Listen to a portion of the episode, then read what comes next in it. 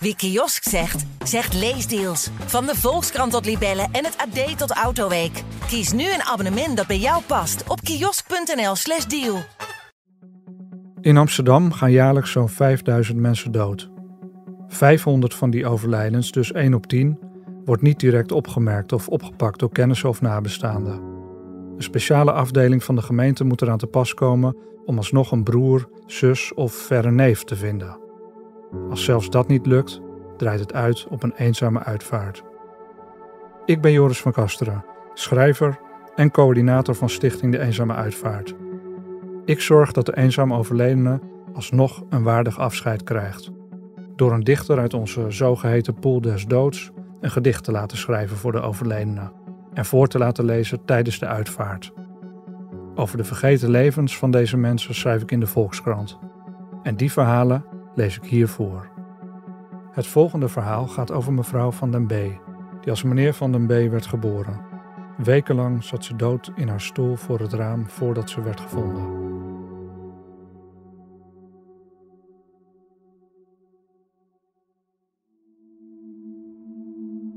Grote voeten. Een volgende eenzame uitvaart. Medewerker Rosenberger van team Uitvaart van de gemeente Amsterdam vraagt of ik naar kantoor wil komen. Het is een delicate kwestie, zegt Rosenberger aan de telefoon. Twee andere medewerkers van team Uitvaarten zijn in de woning geweest. Omdat de overledene relatief jong was en een broer en een zus nog in leven zijn, leek het aanvankelijk niet op een eenzame uitvaart te gaan uitdraaien. De huiszoeking heeft zonder mij plaatsgevonden. Op een donderdag in september meld ik me aan het einde van de ochtend op het kantoor op het terrein van de nieuwe Oosterbegraafplaats aan de Kruislaan, waar het team Uitvaarten tegenwoordig is ondergebracht. Rosenberger zit aan zijn bureau, een modern kunstwerk achter hem aan de wand. De medewerkers die naar de woning zijn geweest, een nieuwe kracht en een invaller, schuiven aan. De overledene, mevrouw van den B., zou onlangs 58 jaar zijn geworden. Het is onduidelijk of ze die leeftijd ook daadwerkelijk heeft bereikt, want ze lag, of liever zat, zeer lange tijd in de woning. Een appartement op een eerste verdieping aan de Depreestraat in Amsterdam-Zuid. Onder de woning is een restaurant gevestigd. De uitbater belde de politie toen er een vlek in het plafond verscheen. Het was een schone woning, zegt de nieuwe kracht. Afgezien dan van de plek waar de stoel had gestaan. Ook na twee dagen poetsen door een gespecialiseerde reinigingsdienst bleef er een hardnekkige afdruk zichtbaar in het laminaat. Het viel de invaller op dat de overledene veel kleding bezat, opgeborgen in verschillende garderobekasten, bungelend aan meerdere rekken. Zomerse blouses, pikante rokken en vrolijke jurken in opvallend grote maten. Alles netjes gestreken of keurig opgevouwen. In de lades een hoeveelheid prijzige panties en met kant bezet ondergoed soms nog in de verpakking. Een dressoir met een ruim assortiment aan cosmetica en dure parfums, hoge hakken, rijglaarzen, elegante sandalen. De nieuwe kracht verbaasde zich over de maat van het vele schoeisel. Ik zei nog, moet je kijken wat een enorme voeten ze had. Van de politie had Rosenberger vernomen dat het contact met de broer en de zus stroef was verlopen. De overledene was in transitie en de broer en de zus hadden daar zeer veel bezwaren tegen. Ze was als man geboren, maar had op zeker moment besloten als vrouw door het leven te willen gaan. In 2010 zou het proces van transitie middels diverse operaties in gang zijn gezet. Onze broer heeft jaren geleden al afstand van ons genomen, zei de zus aan de telefoon tegen Rosenberger. Dus doe jij maar wat je denkt dat je moet doen. De broer die Rosenberger vervolgens sprak, bleef mevrouw van den B consequent met hij, hem en mijn broer aanduiden.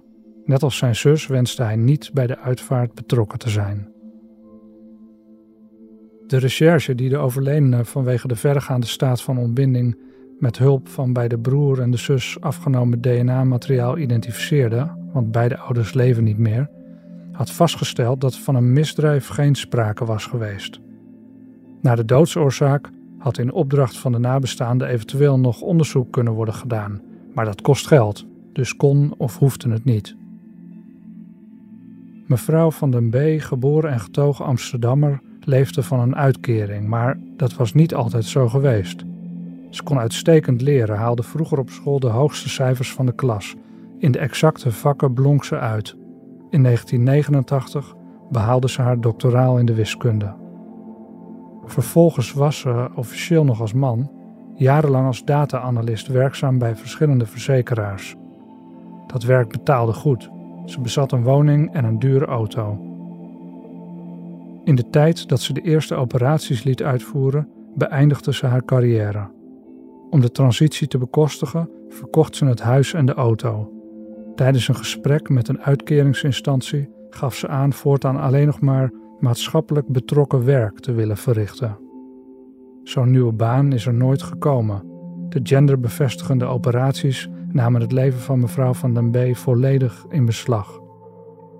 Om het gewenste uiterlijk te bereiken, bleef ze in verschillende particuliere klinieken in binnen- en buitenland kostbare ingrepen doen. Op al haar officiële documenten, van schooldiploma tot rijbewijs, liet ze het geslacht aanpassen. Kosten liepen zodanig op dat mevrouw van den B in financiële moeilijkheden kwam te verkeren.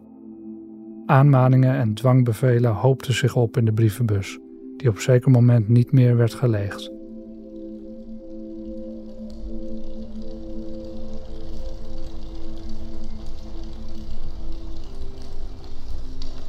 Na mijn bezoek aan team Uitvaarten fiets ik langs de woning.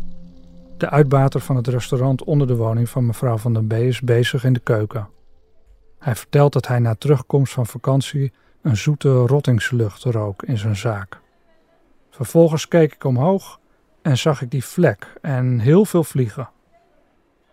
De vlek is overgeverfd, maar de stank, die hij met luchtverfrissers zegt te bestrijden, is volgens de uitbater nog niet verdwenen. Ze moeten de vloer openbreken en schoonmaken in de spouwruimte, maar dat gebeurt niet.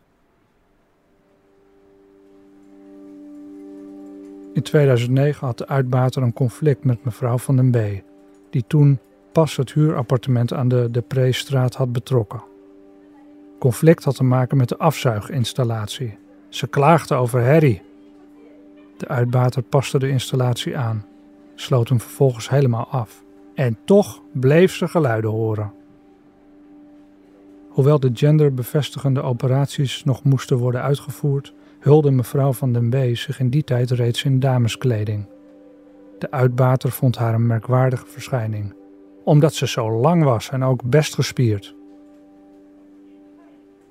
De bovenbuurvrouw van mevrouw van den B is thuis. Ik mag binnenkomen.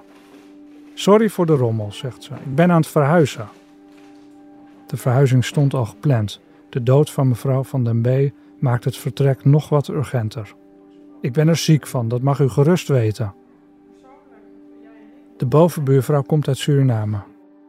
Ze legt uit dat wat de benedenbuurvrouw is overkomen, lange tijd onopgemerkt dood in huis liggen, in haar cultuur beschouwd wordt als een vloek.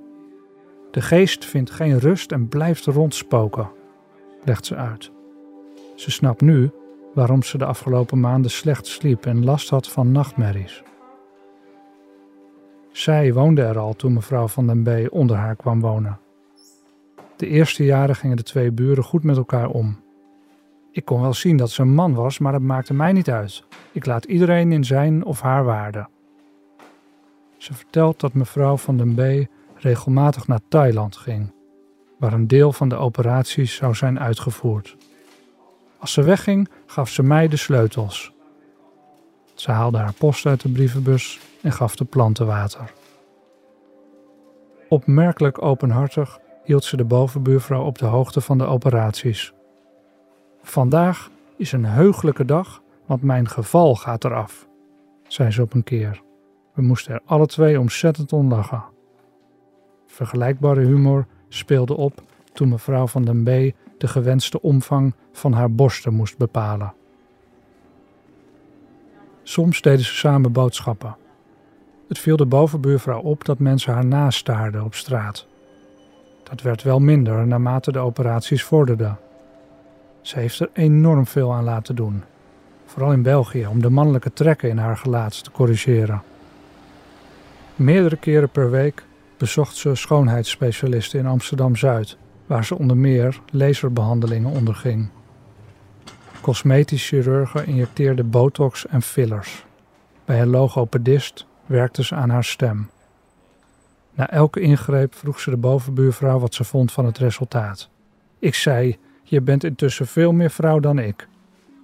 Blij met de steun en aanspraak deed mevrouw van den B haar tegoedbonnen cadeau van gerenommeerde Amsterdamse beauty salons. Terwijl ik helemaal niet zo hou van dat gefrunnik aan mijn lijf.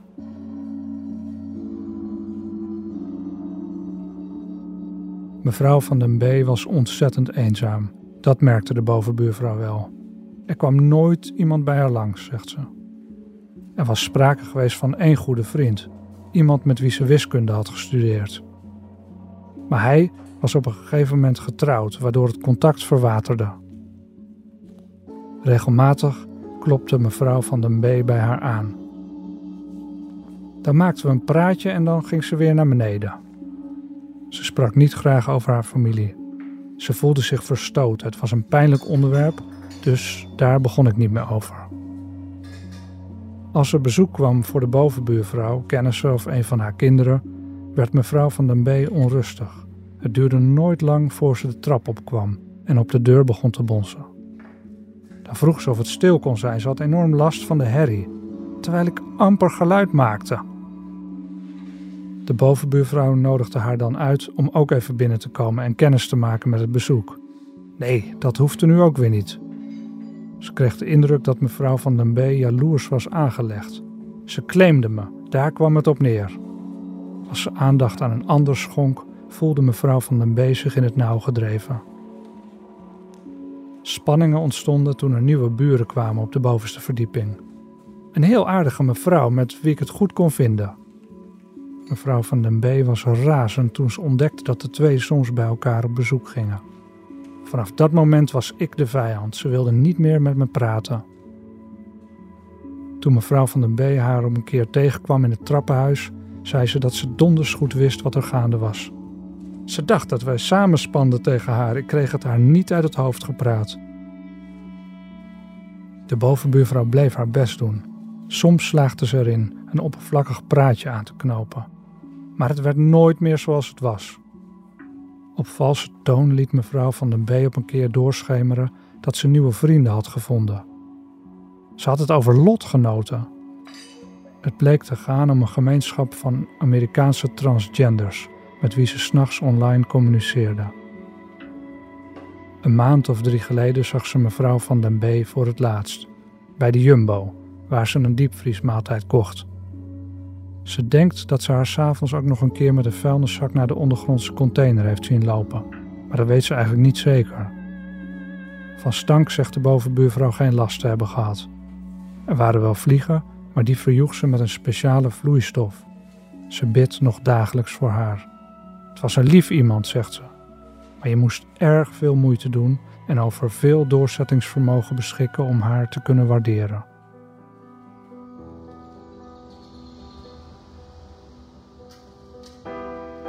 Begraafplaats in Barbara enkele dagen later. In de kapel laat ik een stuk uit Puccini's opera Madame Butterfly spelen.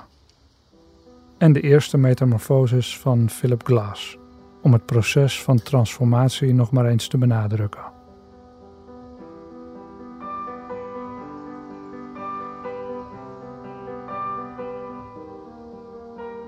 De dood zwijgt hard voor wie nog vragen had. Wat doet de mens alleen in een stoel? Kapot verpopt. Het is mevrouw voor jou en jongen, spel je straks mijn naam wel goed?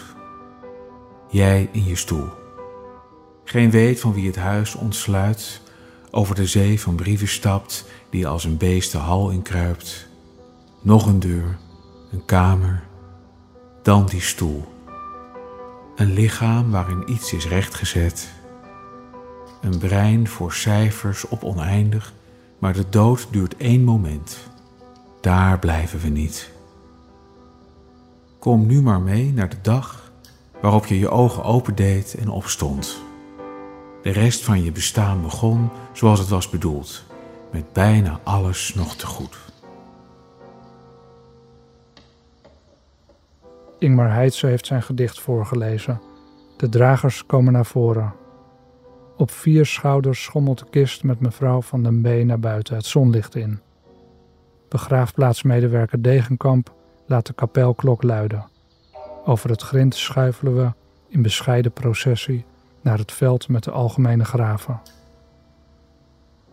Met de minigraafmachine is een keurig gat gegraven. Mevrouw van den B verdwijnt in de diepte. De stalen graflift, gecamoufleerd met dennetakken, piept en knarst. Ze komt helemaal onderin te liggen, op de begane grond. Twee toekomstige doden zullen haar bovenburen worden. Dan heb ze nog een beetje aanspraak, merkt een van de dragers op.